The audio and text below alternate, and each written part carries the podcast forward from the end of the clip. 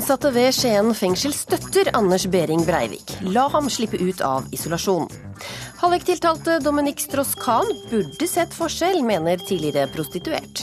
Jente legger seg ikke med den gamle grisen, altså uten å ha noe profitt igjen for det, altså. Og pressen har vært lite opptatt av drapene på tre unge muslimer i USA. Det opprører på sosiale medier. Dette er ukeslutt, hvor vi selvsagt også henter fram pisken som hisser opp damene og frastøter anmelderne. Men først siste nytt ved Tonje Grimstad.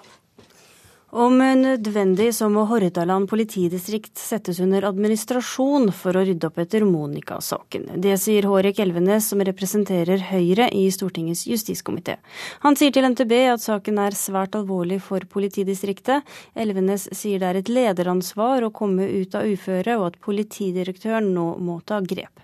En mann er siktet for å ha drept åtte år gamle Monica, etter at Hordaland politidistrikt først henla saken. I Ukraina er sju regjeringssoldater drept og 23 såret i kamper med prorussiske opprørere det siste døgnet, opplyser ukrainske myndigheter. Konflikten raser øst i Ukraina før den planlagte våpenhvilen trer i kraft i morgen. Ifølge politisjefen i byen Debaltseve har prorussiske opprørere innledet et kraftig bombardement av byen. Nå fortsetter ukeslutt.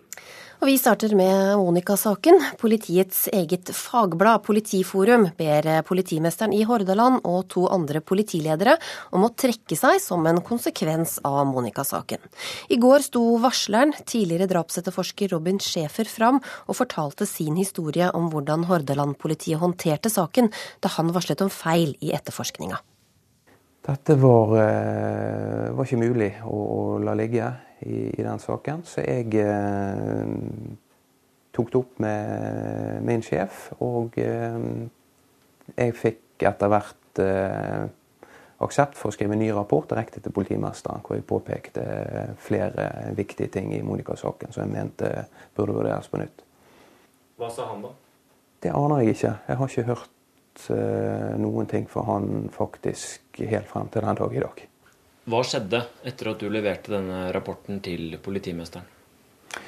Nei, Etter jeg leverte den politimesteren, så hørte jeg overhodet ingenting. Den ble jo levert i månedsskiftet januar-februar, mener jeg. og Etter det ble det bare helt stille. Veldig stille. Og så? Så begynte jeg å purre på min nærmeste sjef, etterlyse et svar. Fordi at tiden løp, og det var viktig å komme i gang hvis, hvis det ble beslutning på. Hørte ingenting. Eh, og eh, jeg eh, ble mer og mer frustrert. Og sendte en mail hvor jeg sa at nå kommer jeg til å varsle bistandsadvokaten om mine funn, for å prøve å få litt fortgang i mitt eget system og få en respons i, i forbindelse med, med Monica-saken. Og hva skjedde så? Det som skjedde etter mailen min, var at jeg veldig kort tid etterpå for første gang fikk eh, respons i saken. Eh, faktisk over tre måneder etter at jeg eh, først tok den opp. Hvor responsen var at jeg ikke fikk lov til å kontakte noen om saken. Du fikk munnkurv? Ja, sånn som jeg oppfattet det, så fikk jeg definitivt munnkurv. Robin Schæfer ble intervjuet av Runar Jørstad. Og Schæfer gir nå ut boka Monica-saken, min historie fra drapsetterforsker til varsler. Og den har du lest og anmeldt for Bergens Tidende, Sven Egil Omdal. Hva slags bok er dette? Det er en dagbok Schæfer bestemte seg på et tidspunkt for å skrive ned alt som skjedde med han, og det gjør han i tid. Han refererer både de formelle tingene som skjer på kammeret, og han beskriver sin egen ensomhet og sin egen krise som han kommer ut i på grunn av den måten han blir behandla på på kammeret. Så det er et, på samme tid et menneskelig dokument om et menneske som blir veldig ensom og så er det en skildring av et system som òg er i krise fordi at det ikke klarer å håndtere den varslingen som han leverer. Ja, hva slags bilde er det han tegner av Hordaland politidistrikt? Han tegner først og fremst et bilde av et system som prøver å beskytte seg sjøl når de blir gjort oppmerksom på at de må ha gjort en feil. Det viser seg jo når når eh, Kripos, tidligere Kripos-etterforsker Asbjørn Hansen får tilgang til Schæfers dokument og går gjennom det, at han kommer til akkurat samme konklusjon som Schæfer, at her er, har etterforskningen vært altfor dårlig. Det burde selvfølgelig òg eh, politiets ledelse se, men istedenfor så beskytter de da den beslutningen de tidligere har tatt om å henlegge saken som intet straffbart forhold. Hva vil du si er det mest eh, graverende eller oppsiktsvekkende som eh, kommer fram her? Det er flere ting. Det ene er jo at han, sjefer gjentatte ganger skriver i boken at hans dokumenter som han legger inn i det digitale mappen, blir fjerna fra mappen igjen, slik at verken Kripos eller bistandsadvokaten eller eh, Spesialenheten for politisaker får se hans dokumenter. Eh, dette virker oppsiktsvekkende at en selve varslerdokumentet blir fjerna fra saken.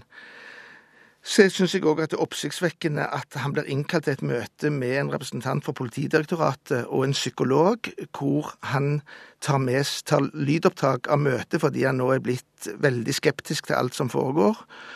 Og boken gjengir utskrift fra dette møtet, og der går det helt klart fram at både psykologen og representanten fra Politidirektoratet forsøker å få Schæfer til å trekke den formelle varslingssaken.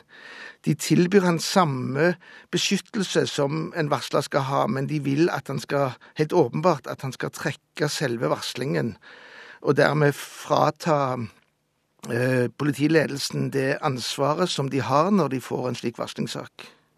Politimesteren i Hordaland har jo beklaget etter Riksadvokatens eh, kritikk, men hvilken troverdighet sitter de igjen med, etter, ifølge denne boka?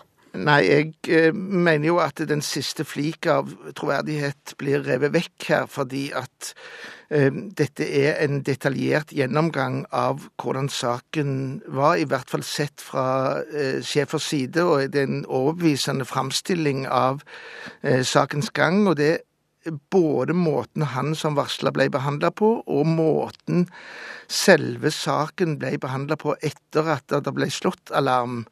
Eh, får politiet i Hordaland, ledelsen der, til å framstå som, som lite troverdige i det de ellers har sagt om sin befatning med saken.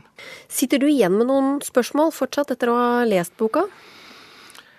Eh, du sitter igjen med det grunnleggende spørsmålet hvordan kunne de så eh, tidlig og så eh, lett legge, eh, akseptere at et barn på åtte år eh, tar sitt eget liv, når det fantes så mange tegn på at eh, det var skjedd ting som ikke ble forklart. Så det, det, grunnleggende spørsmålet i denne saken er jo det. Eh, hvordan kunne politiet låse seg til denne hypotesen om selvmord eh, så tidlig, og, og være så blinde for alt som pekte i en annen retning? Drapene på tre unge muslimer i USA har fått mer oppmerksomhet i sosiale medier enn i pressen. En av dem som har reagert, er Abu Bakar Hussein, Hussein kjent fra Tabu med Abu. Ok, fuck dette. Dette var en hvit amerikaner som drepte tre muslimer. Ikke en skada ateist som har fordømt alle religioner som tilfeldigvis dreper muslimer. Han er en fuckings terrorist. Det er ingen jisui muslim-hashtag-bullshit eh, her, eller? Hva om en muslim hadde drept tre hvite ungdommer? Hadde dere trodd på at det var pga. en parkeringsplass? Hei, media. Fuck hykleriet deres. Dere er grunnen for fremmedhatet flere av kommentarfeltfolka deres tror på. Hashtag muslimer er ikke like mye verdt. Og i går, tre dager etter drapene i Chapel Hill i North Carolina, fordømte USAs president Barack Obama drapene. Politiet tror bakgrunnen for drapene var en parkeringskrangel, mens de etterlatte mener de tre ble drept fordi de var muslimer. USA-korrespondent Tove Bjørgaas har mer.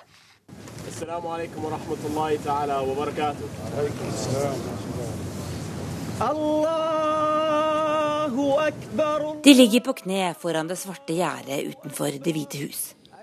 Rundt 200 muslimer samlet seg til fredagsbønn der i går. For å vise sin avsky mot det som skjedde i Nord-Carolina. You know, it, it, could have been any of us. It could have been my fiance who covers her hair. It could have been my mother who covers her hair. And what hurts the most is that they weren't killed for any other reasons other than the fact that they were Muslims. Det kunne vært hvem som helst. Forloveden min, moren min, andre som dekker til håret. De ble bare drept fordi de var muslimer, sier Ali Hassan. Beisa Seflek, som har organisert demonstrasjonen, sier de som deltar først og fremst ønsker å bli hørt. Friday um, that, um, really sort of allows folks to see um, us. And Vi vil vise folk her hva islam er, og at vi utøver vår religion fredelig, sier hun. I universitetsbyen Chapel Hill deltok familiemedlemmene til de tre drepte på minnestund på onsdag. Der fortalte Susann Barakat, søsteren til den drepte tannlegestudenten Dia på 23, hvem broren og de to andre ofrene var. Dia, at 23, a second year dental student at UNC, was well known for his all embracing kindness, lightheartedness, dedication to community service, love for basketball, and anything stuffed curry. Og Tove Bjørgaas, hva slags oppmerksomhet har denne saken fått i USA?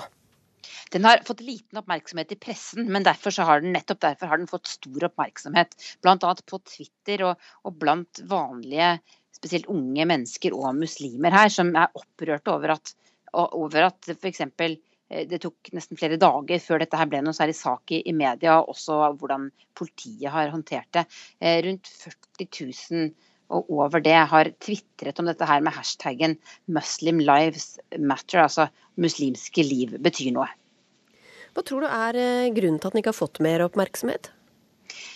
Det alle disse tvitrerne og de opprørte mener er årsaken til det, er at de mener rett og slett at, at muslimer i USA at, at, at, politiet og, og myndighetene ikke mener at det er like ille når en hvit mann skyter tre muslimske ungdommer, som når en muslimsk mann skyter tre hvite eller andre amerikanere. Eh, og at det derfor er helt uhørt at den ikke får slik oppmerksomhet. Spesielt opprørende har det vært at politiet i Nord-Carolina, selv om det var kjent at mannen som skjøt skal ha vært eh, veldig, veldig en såkalt uh, militant ateist, kan man nesten kalle han. Altså vært uttalt seg på nettet mot religion og vært veldig opptatt av å være anti-religion og antimuslimer. Så har politiet først etter flere dager sagt at de nå vil, vil, vil se på om dette kan være en, en, en, kriminell handling begått ut fra hatefulle holdninger mot muslimer. Og det opprører veldig mange her. Takk skal du ha, USAs korrespondent Tove Bjørgaas. Og Fawad Ashraf, du er journalist og programleder på VGTV, har også reagert på det her. Hvorfor tror du ikke dette har vært en større nyhet i media enn det det har blitt? Ja, da jeg våknet onsdag og skulle på jobb, så så jeg at på Twitter så var det en del meldinger med den hashtagen som Tove Bjørgaas nevnte. og det var da samme spørsmål som du stiller. Hvorfor har ikke denne saken fått mer oppmerksomhet? Men allerede da så var det jo bilder av disse tre drepte. Så tenkte jeg at jeg går inn på Aftenposten, VG, NRK, TV 2, alle de norske stedene for å se om det er noe informasjon, og så var det ingenting. Og Da begynte jeg å tenke på grunnene til det, og jeg har fortsatt ikke konkludert. Jeg tror det kan være mange grunner, og at det er sammensatt, men en av dem tror jeg er at det er sånn at det ikke eksisterer et etablert narrativ når det er muslimer som står på offersiden av en pistol, hvis jeg kan si det på den måten. For vi vet jo alle hvis araberen hadde stått på andre siden og skutt tre hvite, så ville redaksjonen rykket, Fox News ville ryddet plass, og det ville vært veldig mye mer oppmerksomhet. Fordi vi har da også sett eh, tilfeller av soloterror i Canada, eh, England osv. Og, så og dette ville da, hvis det var motsatt, blitt koblet til det automatisk. Jan Arild Snoen, du er USA-ekspert og kommentator i, i Minerva. Du mener dette ikke er en nyhet som nødvendigvis fortjener stor oppmerksomhet. Hvorfor ikke? Jeg mener den fortjener oppmerksomhet fordi det kan være et politisk motiv eller et religiøst motiv bak. Men jeg syns ikke for det første at det tok spesielt lang tid. Altså dette skjedde klokken fem tirsdag kveld. Først klokka to om natta. så bekreftet politiet hvem som er ofrene. Da gikk det to timer, så var det på CNN. Så gikk det to-tre timer til, så var det i norsk presse. NTB, Aftenposten, VG, Dagblad, ABC-nyheter. Hadde dette i løpet av et par timer etterpå. Eh, så jeg syns ikke det er veldig lang tid. Eh, jeg syns det har vært dekning pga. dette, denne mistanken. Men det er heller ikke sånn at dette åpenbart er en terrorhandling. Det er heller ikke sånn at vi vet at det er motivert av religion. Eh, og Derfor så er ikke dette sammenlignbart med en del helt klare terroristaksjoner som vi har hatt de siste årene og månedene. Ikke en klar terroraksjon? Nei, altså det er det jo ikke. Vi vet jo ikke den ene årsaken til at mannen gjorde dette, her, at han drepte tre unge muslimer. Men når politiet også da senere har sagt at det var en, en mulighet kan være at han var drevet av hat Eh, overfor muslimer, og det ikke er noe de kan utelukke, og det, er en del av etterforskningen, så mener jeg at den saken fortjener veldig mye mer plass enn det den har fått. Eh, det var muligens eh, sånn at det var noe i avisene i like etter, men det må ha vært bitte små nyhetsnotiser omtrent, som det var i USA opprinnelig. Jeg så f.eks. på Fox News da denne saken kom eh, fram i USA, så lå den helt nede, eh, langt, langt under eh, altså irrelevante kulturnyheter omtrent, og, ble ikke fanget opp. I etterkant har det jo vært bedre, fordi CNN har gjort intervjuer med både søsk søsken og foreldre til de drepte. Men med tanke på at det er muligens muslim Eh, og religionen islam som er årsaken til at tre personer er drept, og at det ikke får mer oppmerksomhet, det syns jeg er ganske eh, plagsomt, vil jeg si. Snod. Må vi for det første huske at det foretas det foregår omtrent 40 mord hver dag i USA. Eh, så for at dette skal være noe spesielt, så må det jo være at vi tror at det er det amerikanere kaller en hate crime, eventuelt terrorisme. Og jeg tror at grunnen til at pressen brukte litt tid på å komme på banen, var at det var uklarhet om dette. Også, nå kjenner ikke jeg meg igjen at det har vært lite dekning i USA, men eh, hvor mye det skal ha vært og sånn, det kan du diskutere. Men jeg har lyst til å si én ting, og det er Tove Bjørgaas kaller eh, gjerningsmannen for en militant ateist. Og med militant så høres det ut som at han eh, kommer med voldelige trusler på nett eller sånne ting. Det er absolutt ikke noe grunnlag for det han har lagt ut på nettet, det er omtrent på samme måte som min ateisme. Altså er i motstander av religion. Det er ingenting der som tyder på at han har noe spesielt imot muslimer. Eh, så alt dette er spekulativt. Det er mulig vi får vite mer om det etter hvert. Men å konkludere nå, som en vi hørte her på innslaget, det at opplagt er at de er drept fordi de er muslimer, det er det ikke grunnlag for nå. Det skjer eh, mange drap eh, hver dag. Hvorfor skal akkurat dette få oppmerksomhet? Ja, Det spørsmålet stilte jeg også korrespondenten vår da vi hadde denne saken i VG som hovedoppslag i 16.30-nyhetene på onsdagen da jeg kom på jobb. Det er litt viktig, fordi vi, det var faktisk sånn at det ble etter hvert dekning både i Norge og i USA. Eh, og Hun sa jo det at det er begås mange drap i USA. Kanskje er man herdet. Kanskje det må mer til for at man reagerer på, på på noe. Det må være en stor skyteepisode på en skole og ikke et trippeldrap. Men grunnen til at jeg syns dette er så viktig, er fordi når vi ikke kan utelukke at han var drevet delvis av sin holdning til religion og i dette tilfellet muslimer, disse ble skutt i bakhodet, altså execution style, alle sammen, så mener jeg at når politiet da også etterforsker det, så kan den episoden gå inn i serien av hendelser som vi har sett i verden siste tiden, som f.eks angrepene på moskeer etter Charlie Hebdo. Angrepene på moskeer i Sverige. Grisehoder som er plassert rundt omkring. Ehm, I forgårs så ble en skole på, i Montreal i Canada skutt på, som ble stengt. I natt så ble et muslimsk senter i Texas satt i fyr. Alt dette her har vært relatert til personer som er sant, muslimer. Det er de som er ofrene. Og un underkommuniserer media dette, mener du? Det underkommuniseres, for det er ikke et, et, det er ikke et etablert narrativ. Mm. Det er ikke etablert, ja. mm. Snor, eh, hvorfor tror du det skaper så stort raseri da, blant folk på sosiale medier? Eh, det er fordi at eh, alt, dette, altså alt som har med vold og, og, muslimer. altså Det sakskomplekset er veldig omtålig. Og det er veldig muslim, mange muslimer som, som er lei av at de hele tiden blir eh, stilt til ansvar for hva andre muslimer gjør. Eh, og at derfor er da et, eh, et, behov for å si at det er også andre som, som er voldelige basert på en annen overbevisning eller religion. Så det forstår jeg. Men det kan vippe over i en sånn alt er like eh, gærent, at alle andre er like ille. Og det er ikke sant. For det er jo sånn at selv om det ikke er noen nødvendig sammenheng mellom islam og islamistisk terror, så er det tross alt har en forbindelse med islam. Eh, dette er da antageligvis en, ate, dette er en ateist, det vet vi. Om han er motivert av det, vet vi ikke. Men hvis det er ateismen som har motivert han, så er det i så fall av første sånn hate crime som jeg vet om, som er ført til et mord. Kort til slutt, eh, Asha. Var det litt sånn deilig at det var, det var ikke en uh, islamist som sto for terroren denne gangen?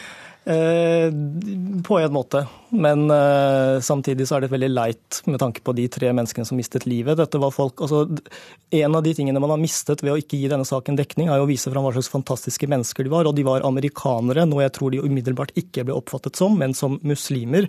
Dette var folk som var ute i eh, gata, gjorde veldedig arbeid.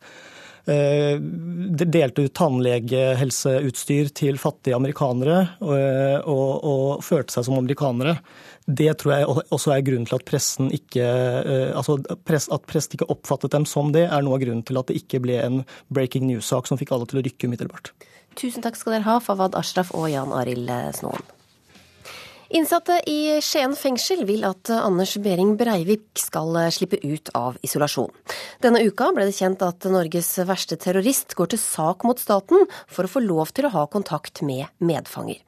Reporter Ingvild Edvardsen besøkte Skien fengsel for å høre hva han i så fall kan vente seg.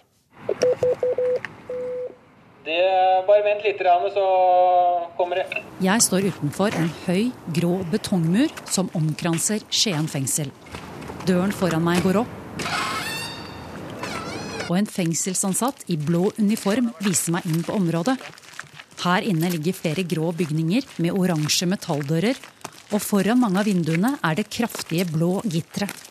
Overvåkningskameraer på toppen av høye stolper registrerer alt som skjer ved dette høyrisikofengselet.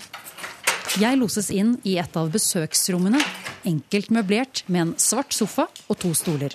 Her møter jeg de innsattes representant, som ønsker å være anonym. Han er så skjerma så det er helt eh, fælt. Jeg tror ikke det er noen som sitter under den engang. De har kanskje prata med en gjennom vinduet, det er ingen som har sett den. Det er liksom over her? Over der borte. Han snakker om Norges verste terrorist, som sitter i en egen avdeling med særlig høyt sikkerhetsnivå rett ved oss. Anders Behring Breivik har sonet isolert siden han ble pågrepet for tre og et halvt år siden. Og denne uken kunne vi lese i avisen at han vil gå til sak for å få være sammen med andre fanger. Advokaten hans, Geir Lippestad, mener lengden på isolasjonen og restriksjonene i brevskrivning er brudd på menneskerettighetene. For han sitter isolert uten kontakt med andre innsatte, og det eh, anses som eh, en uverdig behandling. Kriminalomsorgen mener det er riktig å holde han isolert pga. fare for at han skal rømme eller begå alvorlig kriminalitet mens de innsattes tillitsvalgte i fengselet gjerne ser at Breivik slipper ut fra isolasjon. Slipper ut som andre, Han er ikke noe annet han er en vanlig fange, han òg. Det som vi mest prater om, det er jo det økonomiske rundt det, faktisk. For det går jo ut over oss innsatte. Hvordan da?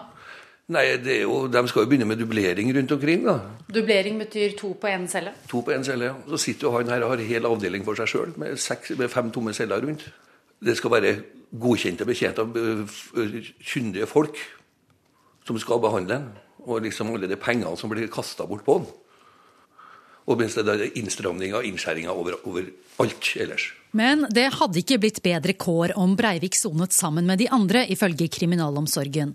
Fordi fengselet får egne midler til å håndtere den spesielle fangen, sier assisterende direktør ved Kriminalomsorgen region sør, Erling Feste. Det skal ikke gå på bekostning eh, av, eh, av andre innsatte ved Telemark fengsel at han oppholder seg der.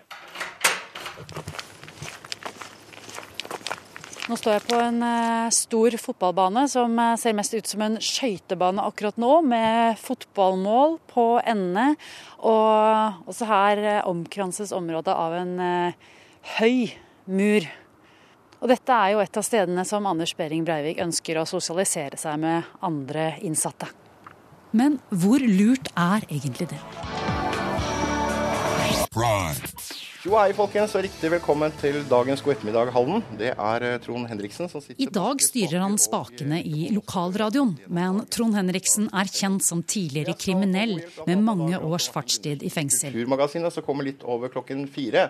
Og han har tanker om hvordan Breiviks møte med de andre innsatte kan bli. Eh, Jeg har mange år bl.a. på Ullersmo hvor det var veldig strengt, og har jo selv vært med på å fjerne innsatte spesielt som har enten tysta eller blåst på noen, har prata på noen, eller sitter for eh, seksualkriminalitet som er enten overfor barn eller voldtekt. Og De menneskene syns man det er veldig vanskelig å sitte sammen med, og vil da gjerne fjerne de fra avdelingen, særlig med tanke på at man sitter der mange år selv. Og Da er det enten å prate til vedkommende om å fjerne seg. Hvis han ikke gjør det, så utøver man vold på en eller annen måte, om det er å dytte vedkommende ned trappa eller Banke han opp? rett og slett banke han opp, ja. Hva risikerer han? Jeg tror han kan frykte for livet sitt. For eh, han har utført handlinger som mange mennesker forakter, også innsatte.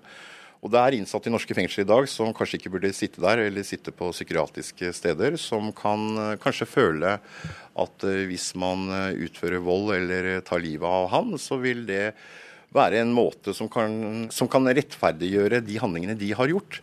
Eh, At det er en form for kred å ta livet av eh, han, tror jeg mange kan tenke. På den andre siden vet han godt hvordan det er å sitte isolert. Jeg har eh, sittet halvannet år selv på total forbud, Og jeg må jo ærlig innrømme at jeg holdt på å bli gal. Tilbake i besøksrommet i Skien fengsel. De innsattes representant tror Breivik vil bli behandlet som alle andre. Vi hadde jo andre som satt her også, bl.a. på Baneheia-saken. Du så hvordan det gikk med dem, og alle sammen skulle ta dem, og det var ikke måte på, ingen som rørte dem. Ingen som sagt ord til dem. Men det er jo mange som eh, har svært vonde følelser til den mannen. Da. Tror du ikke han kommer til å merke det i en setting med, hvor han skal sosialiseres med andre? Det er jo mange som har, har svært drøye meninger om pedofile også. Men de går jo rundt fritt der, de òg. Så det er ingen som gjør noe med dem. Så hvorfor skulle det være noe for, for, for annerledes med han? Trond Henriksen sier at hvis Anders Behring Breivik slipper ut av isolasjon, så risikerer han å bli drept. Hva sier du til det? Det tror jeg er sterkt overdrevet. Folk har ikke baller til det i dag. For folk, det, det, Nå er det ikke kjeltringer igjen i norske fengsel. Et uh, endetidstegn, mener filmanmelder Erlend Lo om Fifty Shades of Grey. Så jeg blir bare frastøtt og ikke noe pirra av det. Og Østfold-dialekta er som hawaiiskjorta til hjemmebruk, mener serping Ingeborg Moreus Hansen. Slutt å være så fisefin, svarer Østfold-journalist.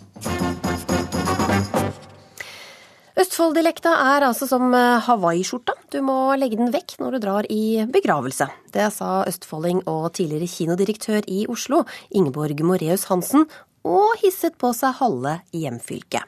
Reporter Ingvild Edvardsen hørte med folk på gata i Halden. Hva slags holdninger møter du til din dialekt? Folk syns han er morsom, rett og slett. Herlig dialekt. Jeg syns den er litt eh, bred, eller hva jeg skal si. Det er mange som snakker veldig bredt her. Jeg Kan ikke si jeg er så veldig stolt av den, nei.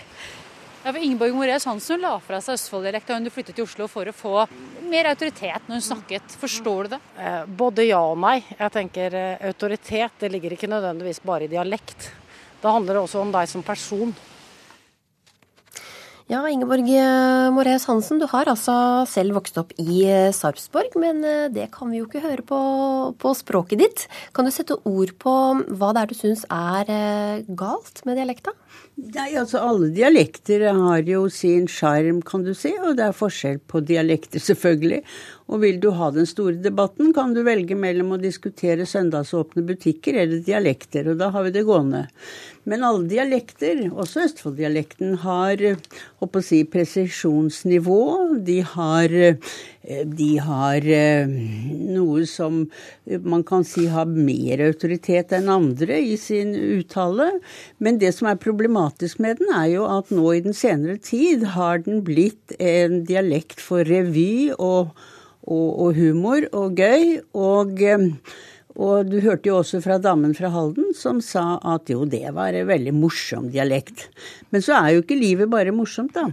Og man har rom hvor det er faktisk veldig tragisk, og det kan være høytidsrom, det kan være innestemme og utestemme, moro rundt bordet, men også i en større sammenheng. Og da er det at jeg etterlyser at dialekten fra Østfold nå kanskje kommer ut av revyscenen og får en altså, autoritet.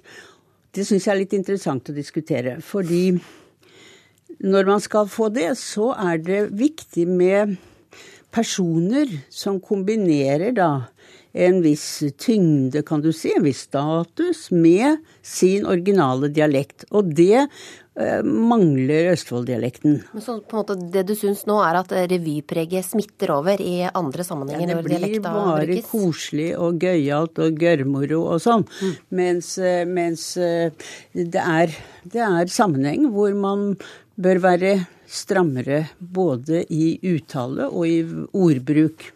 Camilla Brekke, du er eh, journalist i VG fra Halden, og er en av dem som tar til eh, motmæle. Hvorfor legger ikke du dialekta di igjen hjemme? Altså, jeg er jo en av dem som er stolt av dialekta mi. Jeg kommer fra Halden, gikk på videregående i Fredrikstad. Fredrikstad er jo litt sånn breiere i målet enn mange i Halden. Og etter det så eh, begynte jeg i Volda for å studere journalistikk der. Og da var det eh, folk fra hele landet som var der. Vi var rundt 100 stykker i klassen. Og i starten så var det ganske problematisk, for jeg skjønte jo ikke hva halvparten av dem sa. For fram til da så hadde jeg vært vant til å høre på radio og TV folk som preker Oslo-mål på TV og på radio eller at jeg var vant til dialekta der jeg kom fra. sånn at jeg skjønte jo ikke hva mange av dem sa. Og det var egentlig først da det gikk opp for meg den herre Altså hvor viktig det er at vi har dialektrikdom i det langstrakte landet vårt. Og det er så deilig og kult at folk fra, om du er nordlending eller bergenser eller kommer fra Leksvika eller en liten bygd i Gudbrandsdalen, at du kan preke på den måten du er vant til å preke, da, når man kommer fram. Men forstår andre deg da, og din dialekt? Ja. Og det er jo sånn, I media så skjønner jeg at man må på en måte tilpasse språket sitt sånn at folk skjønner det man sier. Det er greit. Men det er så viktig å ta vare på dialekta si, fordi jeg er jo da stolt av dialekta mi. Jeg syns Østfold-dialekta er kul, rik, morsomt, den er jovial og deilig å høre på. Og jeg syns det er synd og at vi bare skal preke sånn her hjemme. Og det er også respektløst overfor et helt fylke å si at vi ikke kan preke sånn her utafor hjemmet vårt. Respektløst, Marius Hansen? Ja, altså, hun er jo inne på det selv. Du er inne på det selv. Dette at man kanskje Du, du liksom sklei innom det der med at det var noen rom hvor man også må snakke på en måte som, som er en, en, form for riks, riksmål. Og det er jo det som det dreier seg om. At det er noen rom. I BBC er det forbudt når du leser nyheter å snakke dialekt. Der skal det være the Queen's English. Og her i huset så har man jo hatt denne debatten alltid. Og når det kommer en fra et strøk av landet med en helt særpreget dialekt, så har man fått denne debatten. Og bare så det er sagt, jeg er filolog. Jeg har stor respekt for dialekter. Jeg syns det er kjempeflott med dialekter i dette landet. Og så er det interessant nå, for nå lever vi i en tid hvor det å være norsk Vi går med bunader som aldri før. Ikke bare på 17. mai, men 16. mai. Overalt. Og vi har norsk mat, vi har kortreist mat, og vi har norsk øl bak hver grend. Og vi er i en periode nå hvor dette er veldig ja, kult, eller hva du vil. Og hvorfor er det det? Jeg tror det har noe med, og hvis du leser første Mosebok om Babels tårn, Babels forvirring, så er det at når et land føler seg truet av noe, så kommer den følelsen av at nå må vi ta vare på språket vårt. Og i dag og i vår tid så har vi mye digitalisering, internasjonalisering. Derfor kommer dette med dialekter så sterkt opp.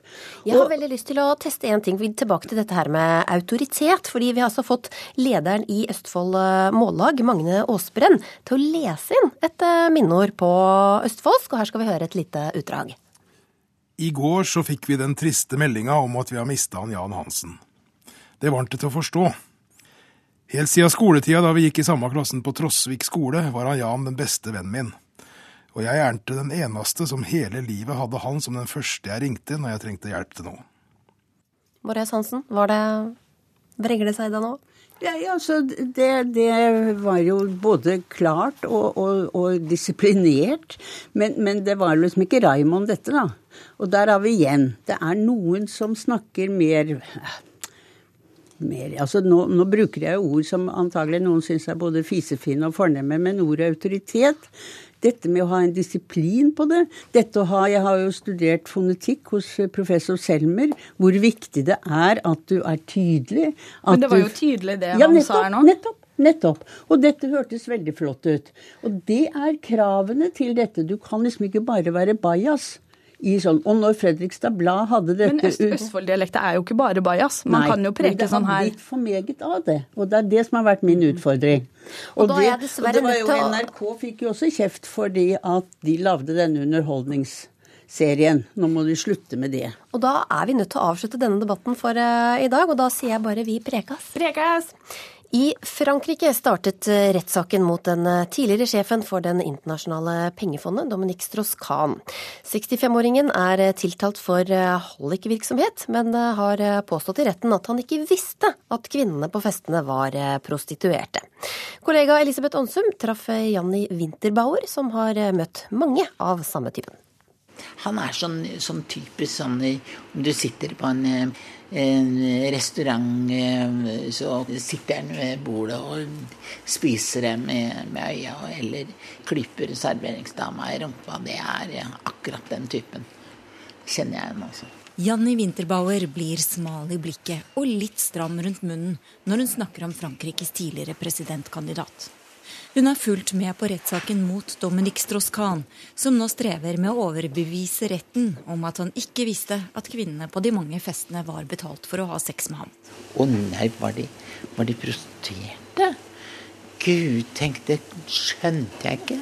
I over 50 år jobbet Winterbauer som prostituert.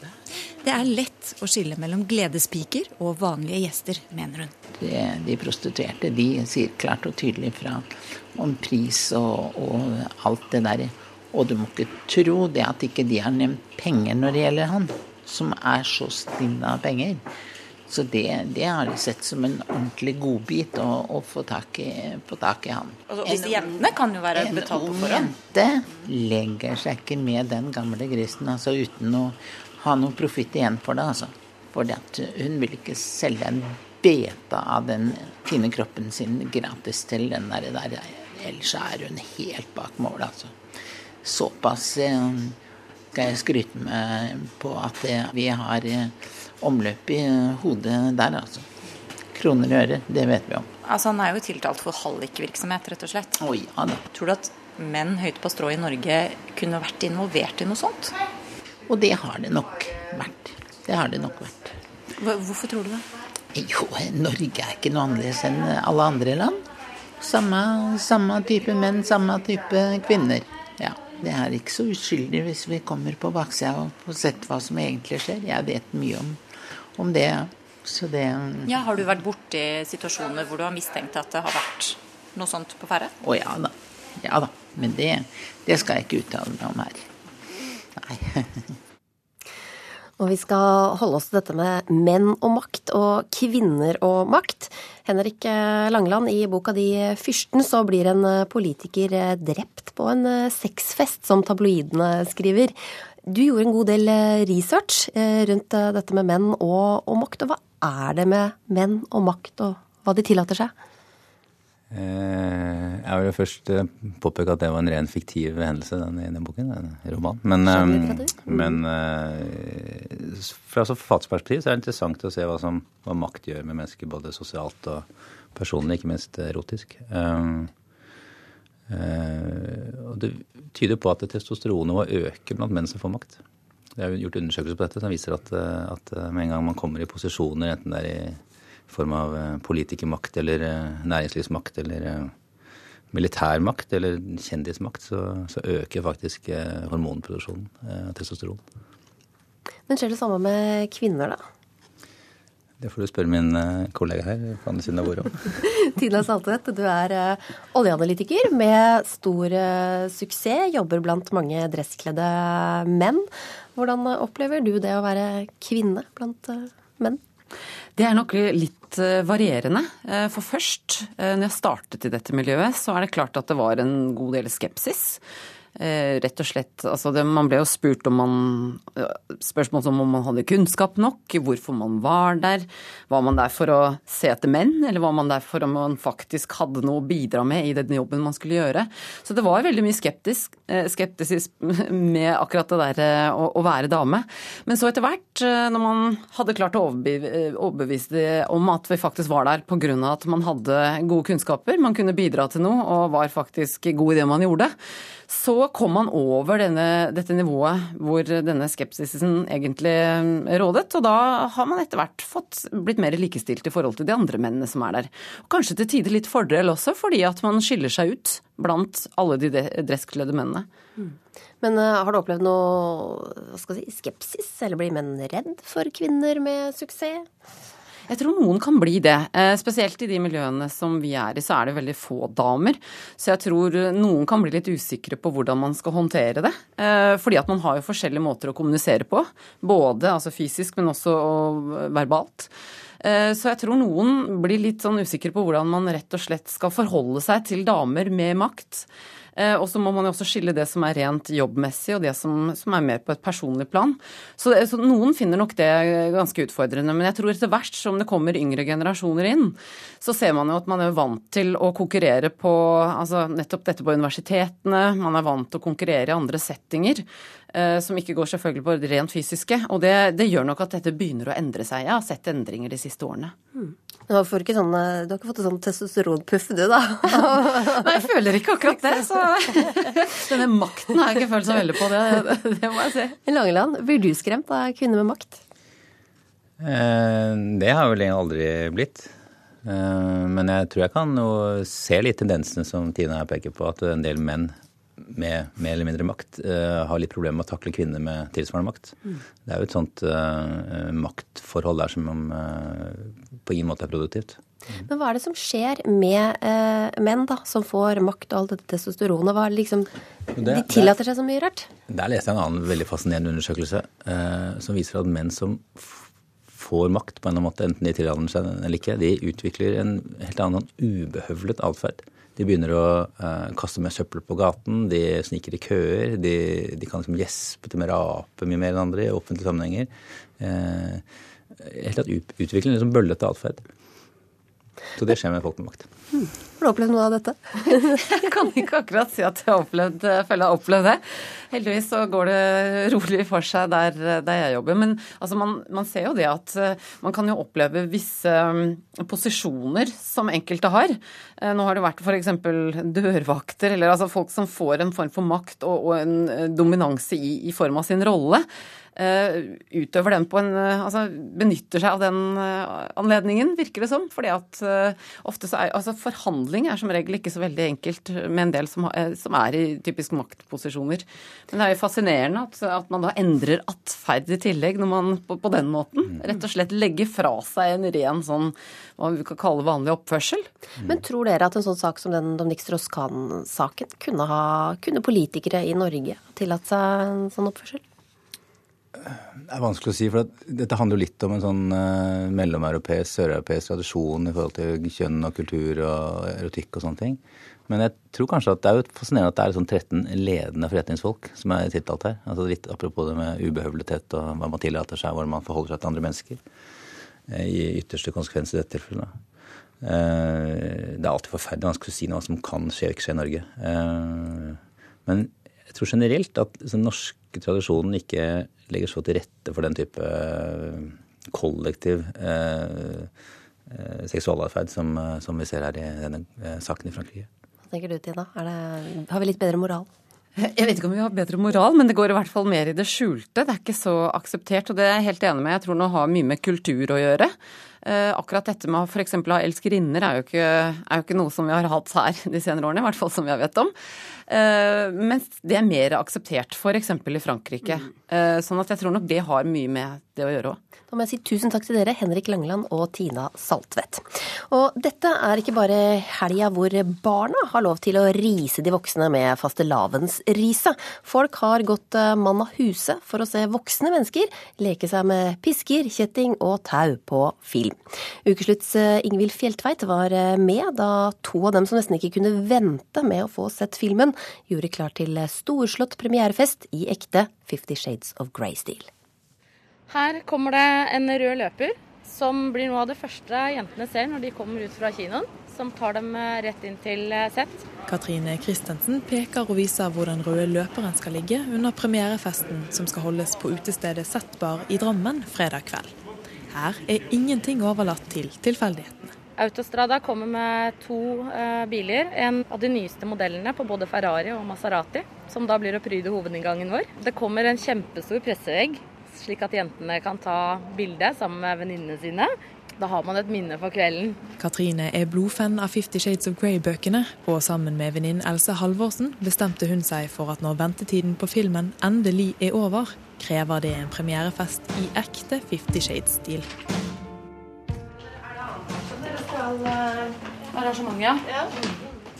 Når gjestene på premierefesten har gått opp den røde løperen, skal de videre opp en trapp til et stort lokale. Katrine og Else viser meg inn i det mørklagte rommet. Luften er kald, og det henger tunge, lilla gardiner langs vinduene. En svart bardisk står midt i rommet, og langs veggene står møbler i mørke farger. Det skal tennes levende lys for å få den riktige stemningen. Det blir mye kandelaber og mye lys. Det gjør det.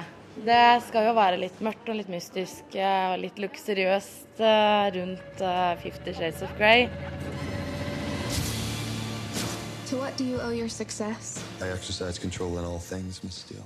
Boktriologien av den britiske forfatteren LP James er solgt i over 100 millioner eksemplarer og har tatt kvinner over hele verden med storm. Katrine og Else har noen tanker om hva som kan være suksessingrediensen. Det må være romantikken, sexen. Spenningen spenninga, ja. Det er jo den derre drømmen uh, ja. alle jentene tenker Å, nå kommer det en kjemperik kjekk kar og ja. redder meg. Men selv om Else og Katrine gleder seg til premieren, og kinoer over hele landet melder om uvanlig mange forhåndsholdte billetter, har anmelderne vært noe mindre begeistret for filmatiseringen av Fifty Shades of Grey. En av dem er forfatter og anmelder Erlend Lo, som kaller filmen 50 nyanser av søppel. Og med det mener han Når populærkulturen blir så tynn som det her, så blir jeg nedstemt. Det skal jeg jo ærlig innrømme. Lo har ikke noe imot at folk er interessert i spenning og erotikk, men mener filmen har for mange klisjeer. Altså, Folk syns jo det er spennende med, med sex. Det har man jo alltid syntes. Det er morsomt å bli kåt, men her er det som om alle valgene er gjort fra den aller sånn, nederste klisjéhylla så jeg blir bare frastøtt og ikke noe pirra av det. Men kritikken fra Lo og andre anmeldere bryr ikke damene fra Drammen seg om. Nei, de får, bare, de får bare mene det de har lyst til å mene, det. Ja. Rett og slett. Jeg uh, bryr meg ikke med det. My tastes are very singular. You wouldn't understand. Bøkene og filmen om studenten Anastacia Steele og forretningsmannen Christian Grey handler mye om sex. Og de erotiske scenene inneholder ofte bruk av håndjern, pisk og en del smerte. Else og Katrine innrømmer at de lar seg inspirere. Ja, det, ja, absolutt. Man gjør jo det. Det er ikke sikkert man gjør det i praksis for det, men i tankene så kan det jo liksom ligge og murre, ikke sant. Så... Altså kanskje ikke alt, da. Kanskje ikke alt. Nei. Absolutt alt. Jeg skulle gjerne blitt henta i helikopter, ja, så for all del. Men uh, jeg tenker litt den der pisken, og det kan jeg kanskje unnlate. Jeg vet ikke. Ja, ja. Spørs litt på humøret. Ja. Har dere kjøpt håndjern etter å lese bøkene? Ikke etter, men uh, nei. ja, ikke nei. Men kjærestene til Else og Katrine har verken latt seg imponere eller skremme av de erotiske bøkene. Han syns det er bare teit. Altså, Han gidder jo ikke. Jeg har prøvd å liksom ynte innpå at han skal lese litt, men uh, det vil ikke rart meg. Så det er absolutt noe for uh, husmødrene. For det er liksom da alt.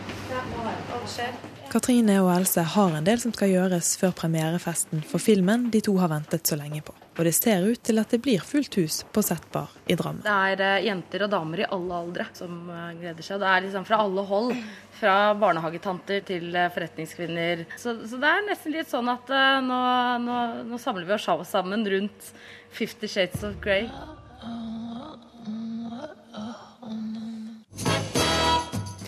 Og Ukeslutt var ved produsent Elisabeth Onsum, tekniker Eli Kyrkjebø, skript Lars Christian Rød og her i studio Linn Beate Gabrielsen.